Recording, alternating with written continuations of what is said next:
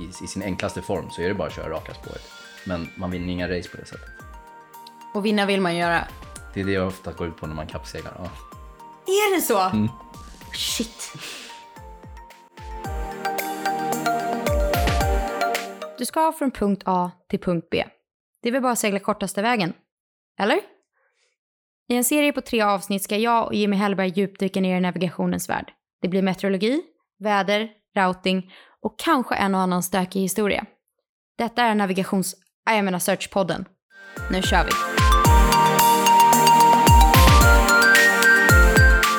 Hej Jimmy, välkommen till navigationspodden. Fan vad kul att eh, du ville vara med här. Tack! Kul att få vara med. Ja, eh, för det är ju så att vi tänkte dra igång med en liten navigationsspecial. Därav kodnamnet på searchpodden Navigationspodden. Och tanken är väl att det ska bli en liten miniserie i tre delar. Eh, men innan vi kickar igång den, kan inte du berätta, vem är Jimmy Hellberg? Eh, ja, oj. Um, jag kommer väl från en kanske, in, ja, inte den typiska jollebakgrunden. Eh, jag började semestersegla med min familj, kölbåt, typ vid sju års ålder och sen började jag vindsurfa därifrån och tävla i någonting som hette Formula Windsurfing. Um, vilket är ganska likt den OS-klass som uh, finns idag. Och uh, ja, det där kulminerar väl efter en massa år i SM och NM etc. Um, ja, kort. Jag kommer från windsurfingen kan man väl säga. Men nu seglar du? Mm, windsurfing är också segling tycker jag, men många andra tycker att det är bad och lek. Men, men nu seglar jag kölbåtar. Ja. Nu seglar du saker med köl. Mm, och hur halkar du in på den billiga banan? Eh, jag, jag köpte faktiskt en egen båt redan 2004 tror jag skaffade egen båt. Men som sagt, jag seglade ju med min familj tidigare och så. Så att jag har alltid semesterseglat och seglat med kompisar och, och på den vägen. Och sen skaffade jag min första båt 2004. Men ehm, när jag på riktigt började segla kölbåt var efter ett projekt, ett sånt här Volvo Ocean Race-projekt som jag var med i, som hette Ericsson Racing Team. Där jag var IT-ansvarig i Shore Crew. Eh, och där tog jag bland annat hand om eh, navigationsutrustningen ombord, det vill säga instrument och datorer. Och de här dryga två åren jag var med i det här teamet så, ja, med några av världens bästa navigatörer, seglare, meteorologer och så vidare var nog den bästa skolan man kan gå i om man har intresse för ja, bland annat om modern navigation. Så att, ja, Du fick blodad tand helt enkelt. ja, väldigt så. Och så försökte jag tillämpa det på, mina, på min egna segling när jag kom hem därifrån sen kan man säga. Ja, för nu är det ju inte så mycket shore crew längre. Nej, nu är jag inte så mycket shore crew längre. Nu, nu seglar jag väldigt mycket själv aktivt. Eh, idag så seglar jag, eller de senaste tre åren har jag seglat i England väldigt mycket på en Fast 40 där i den serien. En Fast 40, kan inte du, jag vet att det är många som vet, men kan du inte berätta lite om, om henne? Det, jag seglar på en båt där som heter Elvis eh, och det är ett helt svenskt team, det är jättekul. Och själva Fast 40 är ganska lik en TP52 fast en touch mindre då. Eh, och man är 11 man istället för typ 14. Och, ja, 12 fot mindre, typ. typ, precis. Så att, eh, ja. Och din roll ombord på den båten är då navigatör, Ja, de senaste tre åren har jag varit navigatör i alla fall. Mm. men inte längre. Eh, Vi har gjort lite förändringar till kommande säsong där jag eventuellt kommer vara storskogstrimmer ser det ut som istället. Du får faktiskt dra i lite snören och inte bara plotta på en padda. Precis, och det har jag sett fram emot också. Det är jättekul det med. Så att, eh, ja, men det är kul att, att ha fingrarna i fler skålar om man säger så. Så att, eh, det blir spännande. Det blir en spännande säsong framöver. Och sen seglar du faktiskt inte bara på Elvis. Du har ju en egen båt också. Ja, jag har en egen båt och, och det är väl lite där jag har ja, fått några meriter som har gjort att jag har kunnat komma med på de här större båtarna och lite större satsningarna. Um, um, men den har stått på land, min egna båt, nu de senaste säsongerna eftersom att jag inte riktigt haft tid med den och det har blivit massa annan segling. Men jag har en egen båt som heter Pacman som jag har kört och, ja, mycket Gotland runt, mycket double-handed med etc. Cool, men eh, vi ska väl sluta snacka om oss och börja snacka lite om eh, navigation, eller vad säger du? Det tycker jag. Då drar vi igång.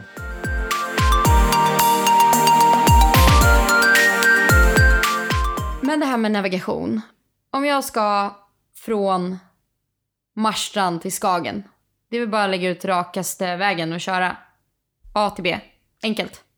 Absolut, och det är det man får lära sig om man tar något typ av båtkörkort eller du har ju till exempel klass 8.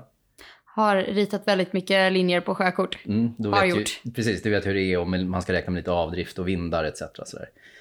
Eh, och visst, så kan man ju göra och det är väldigt, eller ja, det är en del av, av navigationen. Men på en kappseglingsbåt så blir den delen väldigt, väldigt enkel. Man har ganska kraftfulla verktyg i form av plotters och GPS etc. Um, så det svåra blir istället att ta sig från A till B på snabbast möjliga sätt. Det är det som är raketforskningen. Det är det som är raketforskningen och det kan man göra oändligt komplext. Men precis som du var inne på i början, i, i sin enklaste form så är det bara att köra raka spåret. Men man vinner inga race på det sättet. Och vinna vill man göra. Det är det jag ofta går ut på när man kappseglar. Ja. Är det så? Mm. Shit. Helt nya grejer jag får lära mig här. Sjukt att det skulle vara så. Mm. Men okej, om man då vill vinna ett race så kan man alltså inte bara köra raka spåret till märket, punkten, pricken, var man nu ska. Det, det beror väldigt mycket på. Eh, har man en viss typ av båt som kanske går fortare på vissa bogar och, och etc. och man där blandar in väder och vindar och ser att över tid kommer det vrida etc. Ja, men då kanske man kan göra någonting av det och segla en längre väg, en underbåge, en överbåge eller någonting sånt och, och på så sätt ta sig fram snabbare helt enkelt. Och inte bara segla kortaste vägen, det vi kallar för rumline. Alltså, det är linjen mellan A till B. Det är det när man sitter och drar ett streck på sjökortet. Exakt. Så rumline alltså. Det kommer bli mycket begrepp här. Eh, Jag tror att vi får brasklappar för det redan nu. Okej, så man tänker liksom lite utanför den streckade linjen på sjökortet. Och så gäller det att försöka ta sig så effektivt från en punkt till en annan. Ja, man börjar ju med rumline. Alltså man börjar från A till B. Det är det man, man ritar ut på sjökortet eller i plotten eller vad man nu har för verktyg. Och sen börjar man titta på prognoser eh, och på båtens eh, prestanda, hur, den, hur fort den går på olika bogar. Eh, och, och därifrån börjar det komplexa jobbet då, att försöka hitta den snabbaste vägen. Och framförallt är det ju meteorologin som stökar till det för att prognoserna säger ju en sak men de är ju nästan aldrig hundraprocentiga. Men nu går det väl kanske lite händelserna i förväg här. Jag tänker, det finns ju ett begrepp som är så här ökänt inom segling och när man ska försöka förklara det för icke-seglare så, ja, de brukar få något så glasartat i blicken och titta bort. Men det här med VMG, kan vi inte dra det en gång för alla? Ja, alltså det finns två begrepp där som många blandar ihop och det är VMG och VMC. Eh, VMG står för Velocity Made Good och då syftar man oftast på hur fort båten seglar frå, eller rakt mot vinden eller rakt med vinden. Det är VMG. Typiskt sett på en krysslänsbana, då seglar man VMG. Det vill säga, ja, du kryssar ju fram mot vinden men du har en fart rakt mot vinden. Och det, det är ditt VMG helt enkelt. Eh, VMC, det är hur fort du tar emot ett märke som, som är då inte kryss eller läns utan om du till exempel seglar halvvind men vill göra en underbåge och båten seglar fortare, ja, då har du ditt VMC där. Så hur fort går du mot märket även fast du har en kurs som kanske inte pekar rakt på märket. Så det står då för Velocity Made... Good on course. Velocity Made Good On Course. De kapade bara några bokstäver där. Precis. Nice. Okej, så vi har två begrepp. Och det är egentligen hur effektivt man tar sig från punkt A till punkt B. Men det är inte nödvändigtvis så att det är raka spåret till märket. Precis. Det beror helt på båttyp och väder kan man säga. Och det ska vi fortsätta prata om. Mm.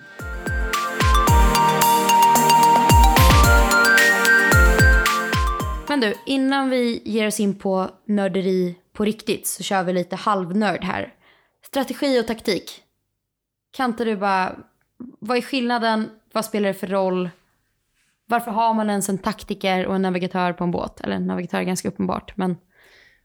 Um, strategin är den, den lite mer storskaliga planen. Det är den som navigatören oftast jobbar fram. Uh, vilken väg ska vi... Alltså, man börjar med banan. Så här ser bansträckningen ut. Och hur tror vi att vi ska segla snabbast runt den här banan? Och vad tror vi att vi kommer att få använda för segel etc. Det är liksom strategin. Den jobbar man fram där. Och då har man med då väderprognoser, strömmar, ja, vindarna förstås och allt det här liksom. Eh, taktiken, det är liksom när du blandar in konkurrenterna på banan. Eh, fienden helt enkelt. Hur ska du utmanövrera dem? På Alla de sätt. andra jävlarna som ska ha plats vid märket. Ja, men närstriden, liksom. det, det är taktiken. Eh, och där kommer ju tak- taktiken in i bilden. Som ibland är navigatören både taktiker och navigatör, men eh, på lite större båtar har man separerat de två oftast.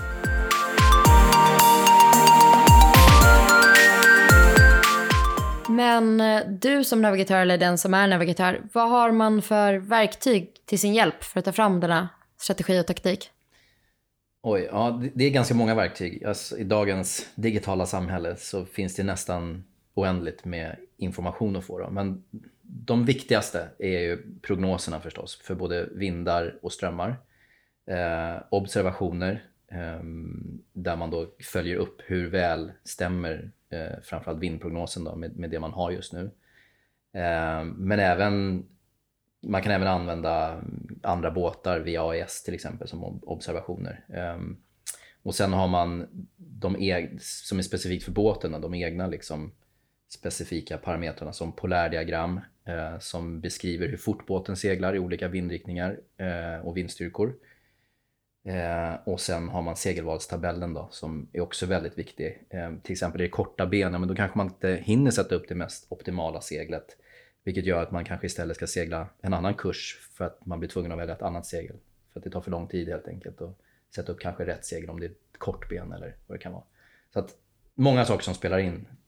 Så det blir liksom ett, ett taktiskt beslut då att vi hade velat segla med en code, det kommer vi inte hinna, vi får köra på Focken och då får vi välja den mest optimala vägen för det vi fysiskt kan göra på båten på den här tiden. Ja, precis. Då får man försöka hitta en vinkel där focken går optimalt fort. Det är lite det det handlar om. Det, är väldigt, det ser man väldigt vanligt misstag med kappseglare som inte är så rutinerade. Om de hinner inte sätta rätt segel, de sätter upp en fock eller geno eller vad det är de har, har istället. Men de seglar inte en vinkel där båten går som fortast mot märket med det seglet. Utan istället så åker de då på den här rumbline, kortaste vägen. Eh, och det kanske inte alls går fortast utan det är bättre att försöka hitta den optimala vinkeln för det seglet man faktiskt har. Ehm, så det blir en stor del av strategin redan i planeringsläget att okej, när vi har rundat det märket då ska det här seglet upp eller vi ska behålla det här seglet men vi ska styra en annan kurs eller den här kursen som gäller och det är navigatören som tar fram de här siffrorna. Och sen är det upp till besättningen att exekvera. Exakt, besättningen är ju motorn. De ser till att segla så fort de kan, göra manövrarna så fort de kan. Så att rätt segel är uppe vid rätt tidpunkt och förstås under hela tiden styra så optimalt som möjligt och trimma så optimalt som möjligt.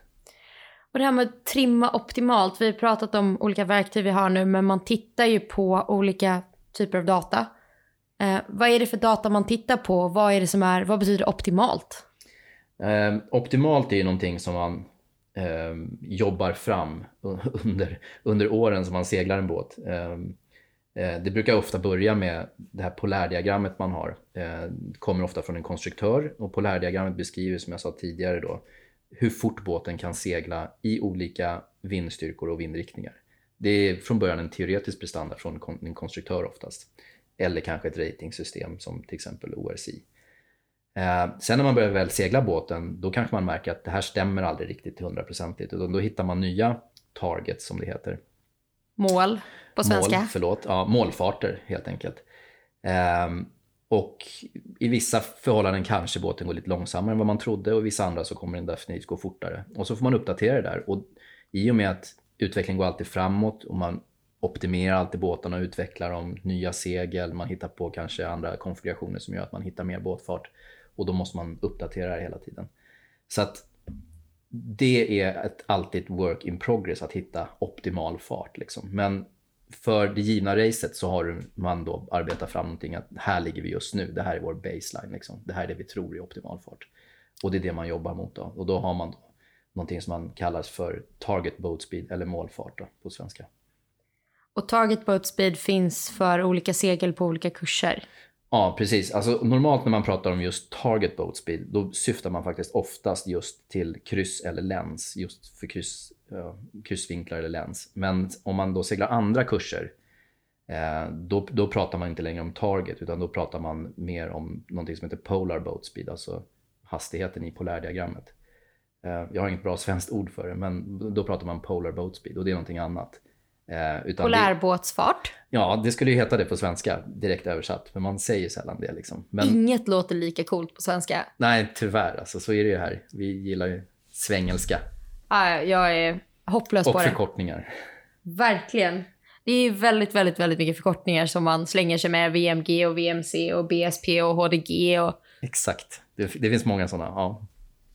Men kortfattat så är det ja, target boat speed. Det pratar man väldigt mycket om, framförallt då på kryss och läns. Eh, men annars så är det då, man, det är många som säger target boat speed också på andra, andra bogar om man säger så. Men egentligen är det då polar boat speed. Man försöker uppnå då att säga att vi seglar halvvind, 90 grader eh, sann vindvinkel. Ja, då har vi en viss målfart där liksom och då, den kallas för polärfart helt enkelt. Där kommer ett nytt begrepp. Sann vindvinkel. Vad är det? Eh, sann vindvinkel, eh, på engelskan kallas det för True Wind Angle, TVA, eller TWA. Eh, men på svenska är det då sann vindvinkel och det är, det är den vinkeln som den sanna vinden kommer ifrån. Eh, man brukar kunna titta på vågorna, säg att vi seglar 90 grader sann vindvinkel, då har du vågorna rätt i sidan. Då har den sanna vinden rakt i sidan. Om båten står still, eh, då kommer vindexen peka rakt tvärs båten. Men ju mer fart du får, då får du in en annan vindkomponent som heter skenbar vind. Eh, och den gör då att eh, ja, vinden kommer komma lite mer framifrån. Det blir en mix av den sanna vinden och din fartvind helt enkelt, som blir den skenbara vinden. Eh, och det är den vinden vi seglar med. Och det här med att vinden kommer lite mer framifrån när man har fart. Är det sant i alla, både när man länsar och när man kryssar och när man halvvindar? Det är alltid sant förutom om du inte seglar platt läns skulle jag säga. För seglar du precis rakt med vinden 180 grader, då spelar det ingen roll hur mycket båten axar. Bå- Båten kan inte segla fortare än vinden om, om vinden kommer precis rakt bakifrån. Så då kommer bara vinden minska, men vinkeln är densamma. Om inte man foilar. Inte ens då, du kan inte foila rakt med vinden. Går inte. Du måste ha en vinkel att skära. Du kan gå djupare kanske och bygga mer fartvind och så, men försöker du segla precis rakt med vinden, 180 grader, då true wind angle som det heter, då kommer båten stanna och gå aningens långsammare än vad vinden är. Så det är inte speciellt snabbt att länsa.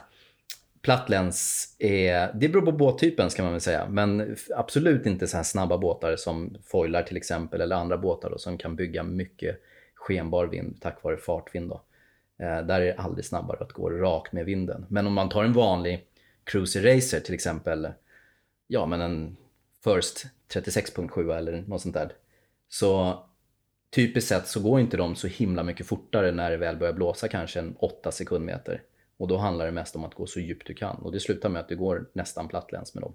Det, det går inte fortare om du skär liksom. Och där kan man se då i de här polärdiagrammen som man pratar om eh, väldigt tydligt då att när du går eh, när du seglar i lägre vindstyrkor då, då bör man skära kanske 140, 150, 160 grader. Och sen ju mer det blåser desto djupare går du ner mot 180. Och typiskt sett sådär, kanske över 8 sekundmeter, då är det plattläns som gäller 180 grader i princip. Och om vi då tar det till ett lite mer så här, kanske lättförståeligt eh, exempel för någon som inte seglar kölbåt. En optimist, rakt med vinden. En Om- 49er, not so much. Not so much. 49 är absolut inte. De är väldigt, väldigt snabba, snabba och seglar ju långt över 20 knop ibland. Eh, och de har ju speciella undanvindssegel gjorda för det också. En väldigt, väldigt plan genacker som är mer genualik än en spinnaker skulle jag säga. Och gjorda då för att skära vinden, eh, eller för att zigzacka sig fram, precis som man gör på kryssen, men på länsen också. För att de bygger så himla mycket skenbar vind helt enkelt. Eh, eller förlåt, de bygger mycket fartvind, vilket blir ja, en brant skenbar vind. Den kommer, den kommer i princip aldrig akter om tvärs, den kommer framifrån, även när de seglar med vinden. Med den sanna vinden. Inte rakt från A till B alltså. Nej, där seglar man absolut inte från, rakt från A till B. Det går inte alls fort, utan man skär ganska mycket eh, och får på så sätt väldigt mycket högre farter. Eh, och man bygger då ett högre VMG, kommer vi tillbaka till det ordet igen då. Så att fast man zigzaggar sig fram så blir farten eh, rakt med vinden eh, högre. Man får ett högre VMG på så sätt än att segla rakt med vinden.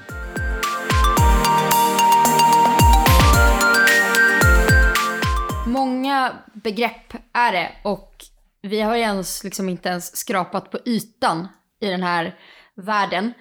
Men jag tänker faktiskt att vi ska nog runda av och låta folk smälta det vi har pratat om nu. Eh, för vi kommer komma tillbaka i nästa avsnitt och då ska vi prata om meteorologi.